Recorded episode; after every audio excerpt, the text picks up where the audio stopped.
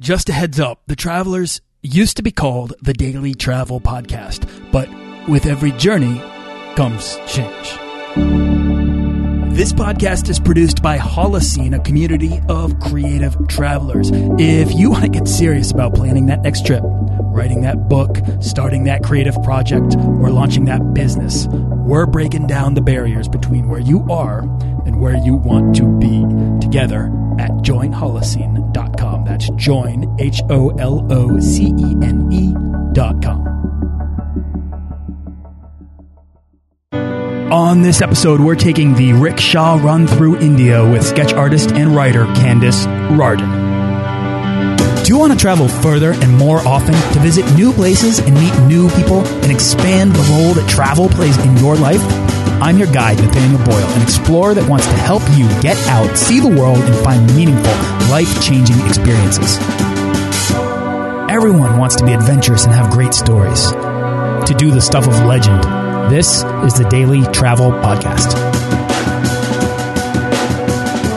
Hey, I just wanted to give you a quick heads up on something that might interest you, particularly if you like the entrepreneurial or digital nomad episodes of the Daily Travel Podcast.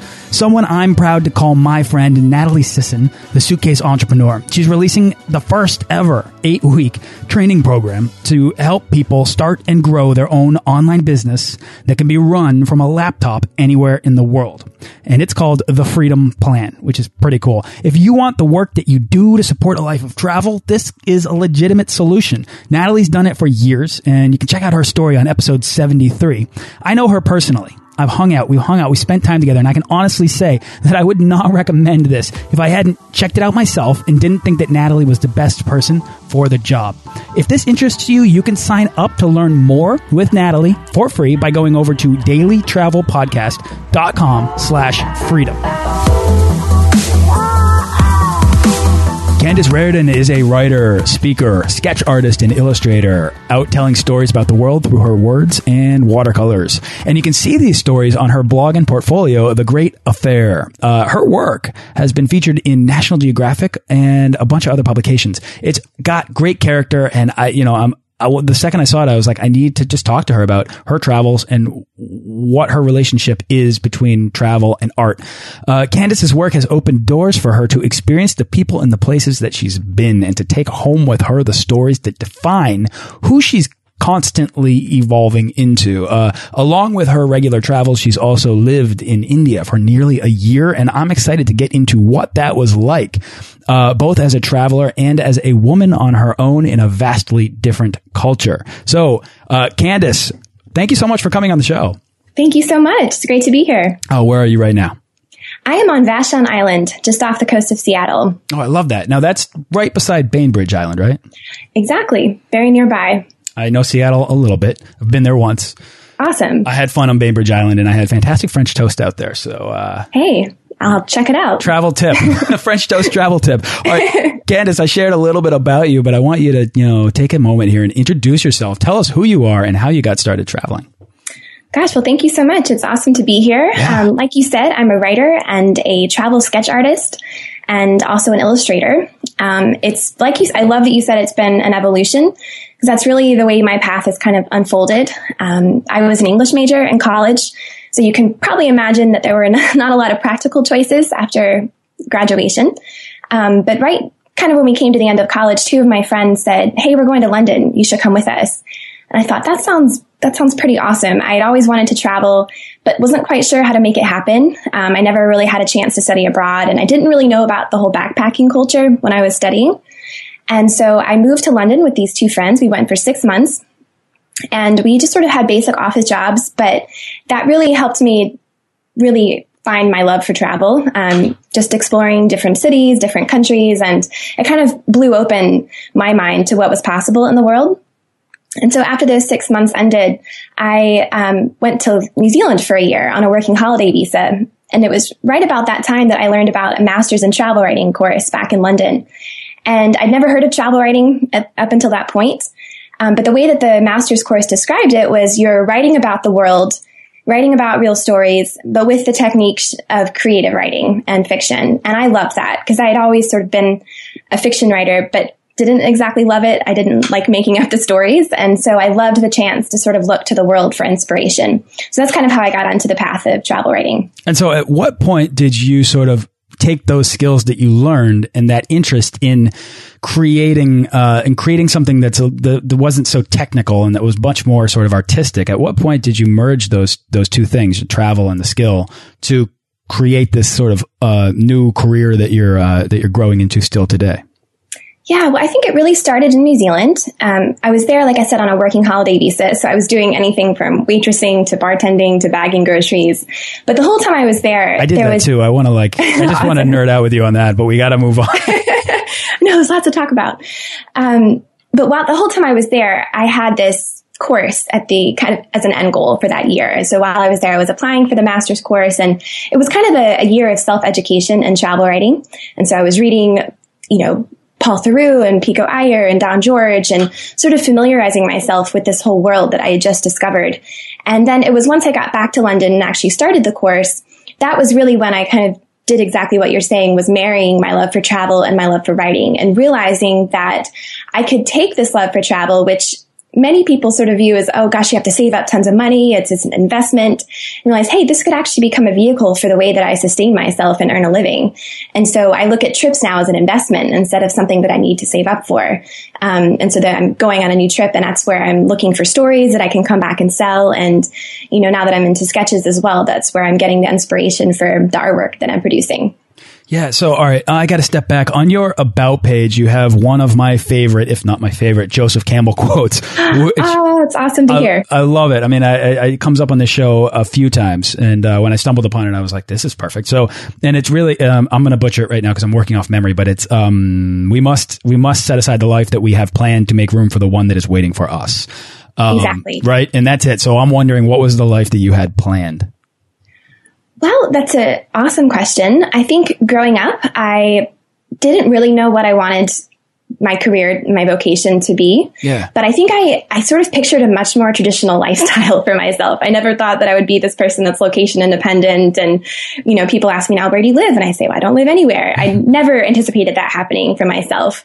And then even once I got into travel writing, I had this picture of becoming quite a traditional writer, you know, writing articles and, you know, traditional books. And this picture, you know, I wanted to be in the field of writers like Pico Iyer and Paul Theroux. You know, I, I love their work. Yeah. And once I kind of got into art, you know, I didn't start sketching until after a couple years um, after I left and gone to London. And I sort of had to make room for that in the picture of who I thought I was going to be. I never anticipated I would be drawing watercolor sketches for a living. And so I sort of had to let go of this idea of the writer that I thought I was going to be to embrace the writer artist that I've become and realizing that there's a lot of power in that as well, even though it's scary to let go of these ideas and these, um, sort of lives that you've constructed for yourself and to say, you know what, I'm going to let go of that and sort of let life, you know, if life feels like it's doing something, don't stand in its way. And so that's really been um, the big lesson for me. I love that. So, what was the moment then in which you realized that you'd made this into a reality for yourself, in which that you could you could continue to perpetuate this location independent lifestyle as something that is actually attainable? Yeah, well, I think it happened about a year and a half ago. As you mentioned earlier, I was living in India at the time. And really up until that point, I had always had bases for myself. So like I said, I lived in London and then New Zealand and then back in London. And then even when I went to India, I went with the idea of basing myself in Delhi while I was there. And it ended up being that I traveled around a lot, a lot more than I realized I was going to.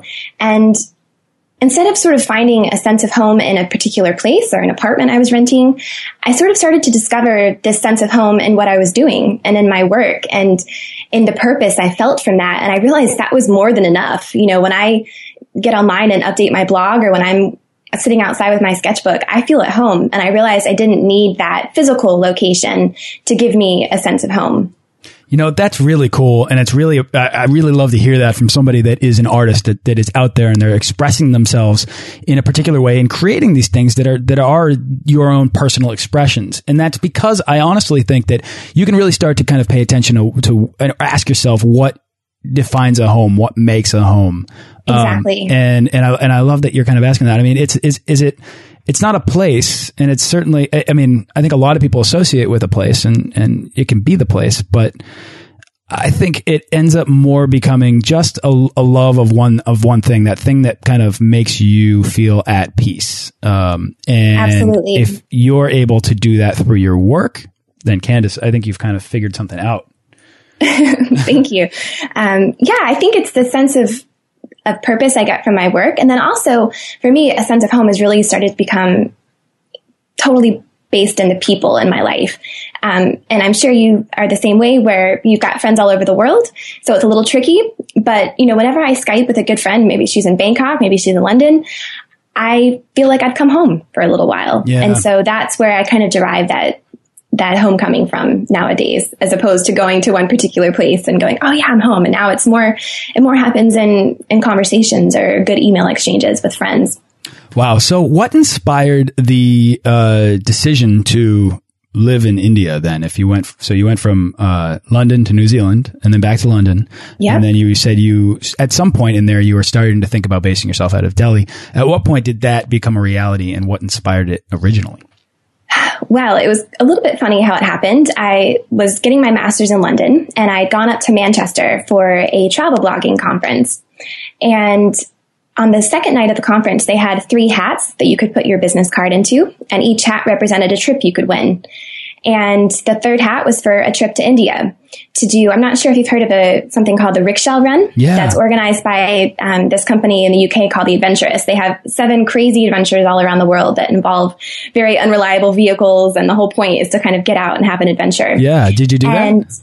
I won a place on the rickshaw run. Oh my goodness. That's how it happened. Wow. And so I remember the conference organizer and the representative from the Adventurists, they looked at my card and looked at me and said, what are you doing in September? And it just so happened that my master's course was finishing then. And I said, well, I guess I'm going to India. Um, and so that's sort of how India came on. It was never on my radar, really. Um, I'd never even thought about going to Asia. And so this sort of pushed me quite quickly in that direction. And because my course had just ended, I had a few, a few months to spare. And so I thought, well, I'll go do the rickshaw run. And then I spent another three months traveling in India, Nepal, and Sri Lanka. But India absolutely won my heart that trip. And I, after it ended, I went back to London thinking I was going to get a two year work visa, which you could get if you had studied there. That was, again, it always been the plan. It always been what I imagined for myself. And within 24 hours of getting back to London, I thought, I have to be back in India. I missed it so bad. Just the, the chaos of it and the, the colors and the chai. There was just something that just really held, uh, really gr- grabbed me when I was in India. And so I, I knew that I couldn't, I couldn't be anywhere else at that point. So that's when I decided to move back.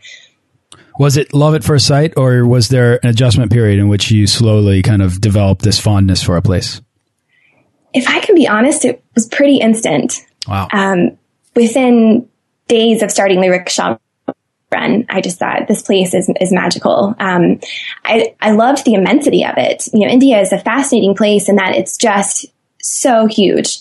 Um, it's almost hard to get your mind around that. I think it's one sixth of the world's population lives there. And um, it has 26 states. And every time you change a state in India, you feel like you're in a different country. You know, the language changes, the food changes, the way the women dress change, the religion changes. It's, it's amazing to sort of travel through, especially doing the rickshaw run. We were on the ground level. We were moving at a very normal pace. You know, we weren't just on a train. It was sort of, sh- you know, shuttling us to our next destination. We were able to stop in each village and have a cup of chai and sort of look around and see what crops are being grown, what were, you know, what was the, the natural environment like. And so that experience, I think, just kind of got me off to a really good start there where I just saw the country changing and knew that I wanted more time to explore it. Now, when you were on the rickshaw run, first I'm going to need you to describe that for anybody that's listening yes, that I'm doesn't. So sorry, I just know. totally skipped past the details. So it's basically a two week adventure where you are driving a three wheeled auto rickshaw, which in Thailand it's known as a tuk tuk. Yep. And in India they often call it an auto. And um, there are bicycle rickshaws, so I always have to clarify that we were driving an auto rickshaw. Um, and it's a 2,000 mile or 3,000 kilometer route um, that it happens three times a year, so the destinations change. But we went from northeastern India, from a, a, mountain town called Shillong, which is right in the Meghalaya hills, and it's just stunning. And then we drove straight across, did like a horizontal line and ended in Jaisalmer, which is in Rajasthan and it's about 40 kilometers from the border with Pakistan. So you really are out in the Thar desert. There's camels everywhere. Um, so going from this sort of lush mountain town to the desert, it makes for quite a um, extremes to end your journey in. Yeah, and because you're driving a tuk tuk or an auto or a rickshaw or whatever it, it's yep. it's called wherever you are, you're very in touch with sort of the people and the elements of um, of the places that you're driving through, right? Exactly. I mean, the, the locals were, they were fascinated. You know, for them, an auto is just so ubiquitous. They see it everywhere. But to suddenly have these crazy foreigners driving their rickshaw, and all of our rickshaws are painted in bright colors with crazy designs and themes. And so you can't miss us as we're coming into a village. Mean, you've got these brightly painted rickshaws with a bunch of foreigners driving in. And, so the minute we would stop, it was like dropping a breadcrumb into a pond of fish. It was just, we'd be surrounded by 30, 40 villagers that were, where are you from? What are you doing? Why are you doing this? You know, especially for my teammate and I, we were two women. And so for them, I mean, women don't drive rickshaws in India.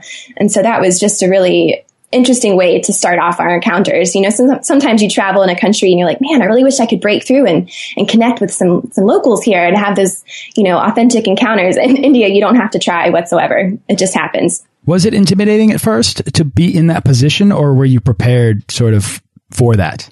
Oh no, it was absolutely intimidating. Um, there was one particular village we stopped in where the crowds were even bigger than normal. And my teammate and I just sort of sat in a rickshaw and were like, oh my gosh, this is really, really overwhelming. And there was another day where we actually got caught in an 18 mile traffic jam. It took us about three hours to get, you know, even, not even to the edge of a city. And we were kind of having to weave in and out because a rickshaw is quite small. And so the, the highway itself was, you know, back to back with huge trucks, but we could kind of go in and out of them. And it was a really intense driving experience. And so at one point I just sort of pulled over quickly just to kind of catch my breath and to give us a chance to, you know, decompress a little bit. And instantly, like I said, about 20 men gathered and that was a little bit unnerving. And I love coming back to this moment because right then, um, a, a shopkeeper came down with two little cups of chai and handed it to my teammate and I. And in India, you really need to have a lot of small change. Like if you bring out like a hundred rupee note, a lot of people, especially small shops, they can't break your change. And so I sort of said to the man, oh, I'm so sorry, we don't have any small change in us right now. And he said, no, no, no, please. And he handed us a chai and he said, you know, I might be poor, but I still have a heart. And I'll never forget that moment because wow. we were so intimidated and we were so unnerved right then, wow. feeling so out of our element. And yet this man emerged from the crowds and just made us feel so incredibly at home. It was such a beautiful experience. And I always try to come back to that moment when I'm trying to explain what it is I love about India. You know, there's sometimes it's hard to put it into certain words, but coming back to that moment helps. Sure. I, I, say all the time on this show that the best stories to happen to us on our travels are the ones that involve the people we meet and the ways in which we help each other on our way. And yep. that is just a, a, perfect example of a simple gesture becoming this transformative life, life changing experience for you. Um, Absolutely. Right. I mean, the way that you probably now approach and, and, um, communicate with uh, strangers is going to be different because of that, because of the way that one person came up and said, "I can do this for you." Mm, absolutely. India is all about the simple gestures. I love that phrase you use. That's really, for me, all the, the moments that mean the, the most to me from India are actually incredibly simple. And when I explain them, I almost feel a little bit like, oh gosh, this isn't a huge story or anything. But for some reason, they really moved me. And that really has, like you say, it's changed my outlook on the way I travel now, no matter where I am, realizing how much a small moment can mean to somebody. Yeah, this is, this is I mean, I, I love this story, Candace. This is amazing. So could your experiences in New Zealand or London, could they have prepared you for what you did in, on the rickshaw run or was, did the rickshaw run sort of force you to learn on the, on, on your toes? I'd like to think that my previous travels had something to do with helping me be the the traveler I was when I got to India, but in many ways, there's not a lot you can do to prepare. And that's why it's a little bit tricky when I, I, talk about traveling in India and trying to give tips and, and, and those sorts of things. And it's like at some point you just sort of have to take that leap. You know, I didn't really feel ready for India, but I knew that I wanted to go. And I think that desire to engage and the desire to connect with the culture sort of helped me be a little bit more open and a little less afraid. I do think I'm glad that it wasn't the first place I went when I started traveling. I had a couple years under my belt by that point. And I think that, especially if you're going as a solo traveler, I'm glad that I had that whole year in New Zealand where I was on my own and I sort of had learned to trust my instincts by that point. As a solo traveler, even though India was so far out of my comfort zone at the time, I still had sort of worked on learning to listen to myself in situations where you feel a little unnerved. So I think yes and no. you, you, try to prepare and then at some point you just have to kind of go even when you don't exactly feel ready. I love that. Uh, so after the rickshaw run was over, you did not leave India immediately. Not even close, right? Right. I had about three more months. I did a, couple of short jaunts um, to Nepal and Sri Lanka, but mostly I just kept wanting to get back to India every time I left. And I went all over. I did a, a big loop. Um, oh, wow. My, uh, a family that I met there, he called it a garland loop because they have jasmine garlands everywhere. And so that's a big symbol to, um, to families there. And so I basically started in Delhi and I worked my way all the way down the East Coast, all the way to the very bottom tip, the southernmost point of India. And then I came right back up the West Coast and flew out of Delhi again. So I'm really grateful I got to sort of see all sorts of different, um, you know, natural landscapes and cultural landscapes and, and cities and villages and sort of got to experience a lot of different environments. Now, at what point did you did your art play into your travels here? And like, at what point did you start sketching India? So I began sketching while I was getting my master's. I had booked a couple of different weekend trips around Europe. Thank you, Ryanair. Um, it was pretty cheap to travel at that point, and so I at one point I had a a trip booked to Portugal and I'm not quite sure what inspired me to do so, but I thought I'm going to bring a sketchbook and some watercolor pencils. You know, I'd taken watercolor lessons when I was young, but then once I got to high school and college, I hadn't picked up a paintbrush for about 10 years. Um, even though art was a big part of how, who I was growing up. Um, and so I thought, well, I'll bring a sketchbook with me. And almost instantly when I was in Portugal, I just loved the way that I felt when I was sketching. I loved who it sort of made me into. It really slowed me down and opened up my senses to that place as I was there. I was in Porto. Um, and so I just kind of kept doing it. You know, I went to Croatia and went to Brighton, England and always was bringing my sketchbook. It was like this new travel rhythm that I had. And so when I was in India, I didn't sketch all the time, but I, you know, definitely brought it out when, in especially to big cities, because it was a great way to try to absorb what was otherwise very overwhelming. Um, and it wasn't until I kind of got back from those first three months in India that I started sharing the sketches online. Um, that first year that I was doing them, it was really just sort of for myself. Um, you know, I was enjoying the process of sketching. And then once I got back from India is when I started to kind of share them on my blog and share them in, um, I'm not sure if you're familiar with Wild Junket. Yeah um, they had a, a, travel digital travel magazine, and so I talked to the editor Nellie Huang, and we set up a travel sketches section. And so we would have a sketch in every issue, and so that was kind of the way that I first started to slowly let them out in the world. Um, but that was definitely a process. Sure. And then um, has it is it something that you deliberately carry into everywhere you go now? Yes. Now I basically travel to sketch. I'm not sure. it's uh, it's funny now when I'm traveling, what did I do before I started sketching? Because now it's just such the, it's my key. That's how I understand places now. Um, and it's really become the way that I find the stories that I love to tell as a writer as well. And so I love that it kind of serves both my writing and my sketching. Um, and so now I absolutely bring tons of sketchbooks and I have a little watercolor paint field kit and watercolor pencils and try not to bring too much because otherwise it, you know, the bag starts to weigh down a little bit. Um, but bring enough. Yeah. I want people that are listening to really kind of take a, take a minute here to understand exactly why you love this process of painting. And it's not unlike, uh, though it is, though it is also quite different. it is not unlike taking a photo of a place, um, in that you are capturing this moment. You are capturing this uh, this thing that you found beauty to say. You know that I, that you found beauty in to say that you were there and it mattered to you, right? And that mm. and that you know like you want to make a statement and it says something about you and you're able to kind of express yourself through it. Now, what's yeah. really interesting about painting to me, as opposed to uh, photography is that I mean, although some you know if you're if you're a professional photographer you might take your time to compose your shot um, right. a painter is going to sit and take their time really paying attention to a landscape or a scene or a person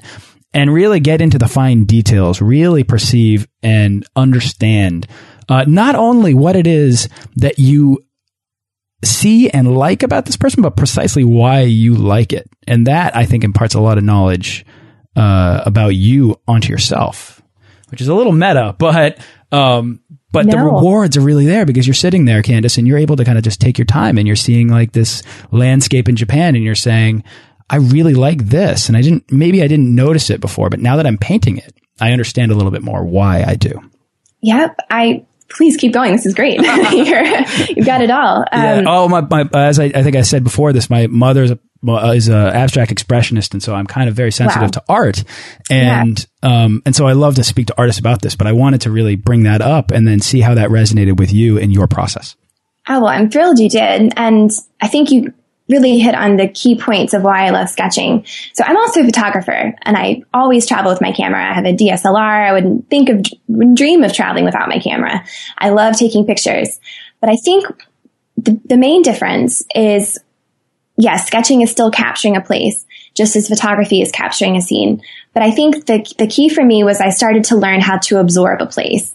Whereas with photography, I was moving too fast. I wasn't staying in the same place and I wasn't really taking the time to be aware and alive to that particular scene. Whereas with sketching, it's sort of, you have no choice. You know, you sit in one place, whether it's a cafe or a park bench, and you're studying that scene. You're going, what is it about this particular scene that's speaking to me? You know, I've always said sketches are really, it's a, a series of decisions where you're saying, okay, the thing about a sketch is you can't capture everything. It's frustrating, but it's also freeing where you can't include it all. You know, I'm looking at it. I remember sitting in Dublin last October and was sketching in a pub and I thought, ah, I was almost frustrated. I couldn't get everything I wanted, but it was instead, it's a, it's a chance to go, what about this scene is speaking to me? Is it the tiled floor? Is it the detail of, of a bunch of lavender hanging on the wall? You know, it's a chance to sort of put everything into a sketch that you're noticing. And that, even as you said, there are sometimes things that when I sit down to start sketching, I haven't noticed, but halfway through, I'm like, oh gosh, I love that. Let me put that in as well. And so it's that process of discovery is what I really love about sketching as well, is that it really helps me pull back the layers of a scene where I'm not just kind of moving through and snapping the camera and moving on. It's like I'm actually studying it um, and having that increased attention, which has really helped me have such richer memories of a place. You know, now when, whenever I think back to a particular scene where I've sketched, it is still just as alive in my mind as it was when I was there. You know, I remember I love that you said Japan because there was a, uh, a time I was in Koyasan, which is one of the most sacred cities in Japan, and I was sketching in the Okunoin, which is this incredible mausole- um, cemetery. It's 200,000 gravestones there. And I was sitting on this stone bridge and I was sketching a small shrine and these cedar trees that were surrounding it. And the pathways that go through the Okunoin are all stone. And so groups of monks were passing by me and their wooden sandals were clicking on the stone pathways. And then pilgrims were walking by and their staffs all have bells on them. And I could, I can still hear the bells ringing and I can still hear the sandals clicking. And it's just amazing that when you're that fully aware in a particular moment, it just sort of cements itself into your mind. And so that's why I couldn't imagine not traveling with a sketchbook now because I, I just, I'm so greedy for those moments where I just want to have, I really want to, you know, create those moments that are so rich in my memory after I've left a place. You know, for anyone that's that is not an artist but likes what they're hearing Candace say here, I just want to kind of maybe frame it appropriately here. You don't have to be an artist to think like one. You know, to take Oh, totally. right to take a moment in your in your hectic travel schedule to just study something or find the questions that are hidden inside the things that are surrounding you, um, and then really sort of try to answer them for yourself. Because when you do, those answers explain things about you that you might not have noticed before. Exactly. And for me, I think the thing about sketching, it showed me what happens when you start thinking about a place visually, as opposed to when I was just writing and I was taking notes about a place. It was very linear. So you sit down to journal at the end of, a, of your day in a place and you're kind of going through and it might not even be a natural representation of how we move through a place. And so if someone's not an artist, but you want to sort of have those memories, sort of take a, t- you know, take half an hour, take an hour, sit in a cafe and think about how do you record it visually? Even just take a piece of paper and just write notes, but position them on the page as they correlate with the scene you're looking at, as opposed to feeling like you have to write a journal entry. You know, it's like maybe try to understand that scene visually or just do little stick figures or if there's a particular symbol you're looking at on the wall or, you know, just try to copy that down. It doesn't have to be, like you say, a full on artistic representation. But for me, I think that the change has been starting to understand places visually and kind of bringing back a visual literacy in a way, if that makes sense. It does make sense. It makes a lot of sense. And that's actually a great purpose for why you are doing what you're doing. Um, on your on your on your blog and in your portfolio and and telling stories in that way it's a different way to sort of impart your perspective your experience um, than through words than through a photo uh, i think i think people are almost forced to look at your paintings and mm. give them a little bit more attention than they might just casually glance at a photo yeah, I think there's something interesting that happens to our brains when we see a hand drawn line. I think we're very drawn to it, no pun intended. Um, and I think what I have sort of come to believe about sketches, and it's why I love including them on my blog and in articles that I'm working on, is I think they're sort of like speed bumps, as you say, for our brain, where it just slows it down. Whereas with a, a photograph, it's sometimes a little bit easier for our eyes to slip over it and to move on to the next image. But I think with a sketch, it's sort of an invitation to slow down and, and to study it. And, you know, I love to put little annotations, written annotations on my sketches where, you know, it could be an observation of the weather or if it's hot or cold or how I'm feeling. And again, I put those in there because they're like little anchors where they help people sort of take a little bit more time to study that sketch. So I do think there's a difference between how we how we respond to a photographed image as opposed to a hand drawn image. I love that. That's like the mindful eye of, of an artist and uh, applying that to storytelling, applying that to blogging, applying that to just mm. how we put things on the internet for people to see uh, and digest yeah. and access and make the world uh, make the world more accessible. But you're doing so uh, visually, which is uh, is very awesome, Candace. I, I, think it's so cool. I could talk about this forever. Fortunately, we're really running out of time. Um, oh no! do you do you want to go through the travel advice lightning round? Do you have time? Sure, let's do it. All right, here we go. So this is the part of the show where we're going to boil down the how and the why of travel into pragmatic advice. I'm going to give you a series of questions and you'll give me your best travel tips. Sounds good. Awesome. Let's All do right, it. Cool. For a lot of people, Candace, taking that first step out the door can be the hardest part of travel. So, uh, what's your advice for anyone dreaming to take the first step to becoming a world traveler like yourself? Well, I am going to say one of my favorite quotes from John Burroughs. He says, leap and the net will appear. And I'm a huge believer in trust and faith and just sort of it's so difficult to walk out the front door, but do it and the plans will fall into place. Oh, I love it. The biggest hurdle, though, for most people who want to travel more is cost. Do mm. you have a secret money saving tip or travel hack? I'm not a huge travel hacker, um, but I love budgets and, and, try to stick to them as much as possible. I have an app on my computer called Monthly Expenses, where you set a budget for that particular month, and then you have to, you know, you enter in each expense throughout the month, and it subtracts it, and just kind of helps me stay aware of if I'm sticking to a budget or not, especially when I'm traveling. Um, it's easy to just sort of tune out and not worry about finances, but I try to be a little vigilant about it and make my money go further. So, yeah, that's what I would would suggest. I love that. All right, I'm going to link to that app as well. If uh, we'll just, you'll have to give me the link later. Um, yeah, definitely. Candace, packing, my least favorite part of travel by far. Uh, do you have any advice to help people pack better? Oh gosh, just don't bring. You won't need nearly as much as you think. Um, especially with clothes, there's oftentimes chances to do laundry on the road. So kind of if you have your packing set out, just if you got five t-shirts, bring three, that sort of thing. So just limit yourself. Laundry on the road okay. is something that just, it just happens. I don't, I don't really know how it happens. It just does when you're in the right places. Yeah. And I would even say, if you're in a place like India, they um, often the little shops on the street will sell one rupee packets of Tide detergent, and I just bring a bunch of those uh, with me when I'm, especially when I'm traveling in India. And so you can do, you know, wash your socks in a hotel bathroom sort of thing and just throw some Tide in there. Um, and so I kind of keep a lookout for those little packets that I can take with me. Do you have a favorite internet travel tool or resource? I think my favorite sites are, I actually really love Wikitravel. Ah, yeah. I found it's got, um, especially for talking about women, women's safety, they've got really good safety tips on there, um, letting you know the things to be on the lookout for, especially in big cities. Um, and then I also love Seat 61. I'm not sure if you've heard of that. Yeah, the man in um, Seat 61. Yeah, exactly. Um, I'm a huge fan of overland and ground and staying on the ground when I'm traveling. Um, and so I love going to him for train advice, but he often has advice on there about buses as well. So I always try to take a look at his site when I'm planning a new trip and seeing what's available for me. two two extremely comprehensive uh, resources you just listed. Yeah, I'm sorry. That was a little bit, a little bit broad. Yeah, no, but they're great. I mean, I think both of those are just awesome. And whatever you need, you can kind of get them. If it's train travel, the Man in Seat 61 is great. If it's almost anything you need to know about a place that you want to go to, Wiki Travel just has it covered. Um, you know, and I like using it sort of as an introduction because, for instance, I'm going to South America next month and I don't know anything about Colombia. And so I go to Wiki Travel just to kind of get a sense of a place and learn about the regions. And then once I kind of have an idea of, okay, I want to go explore you know, the Guajira Peninsula. Then I go look for sites about that particular region. So Wiki Travel just kind of helps me get an overall uh, sense of a new place. Yeah, I mean, sometimes you can just get lost clicking links mm. for like forever. Totally. yeah, it's not good. All right. Do you have a favorite piece of travel gear that you take everywhere, everywhere you go?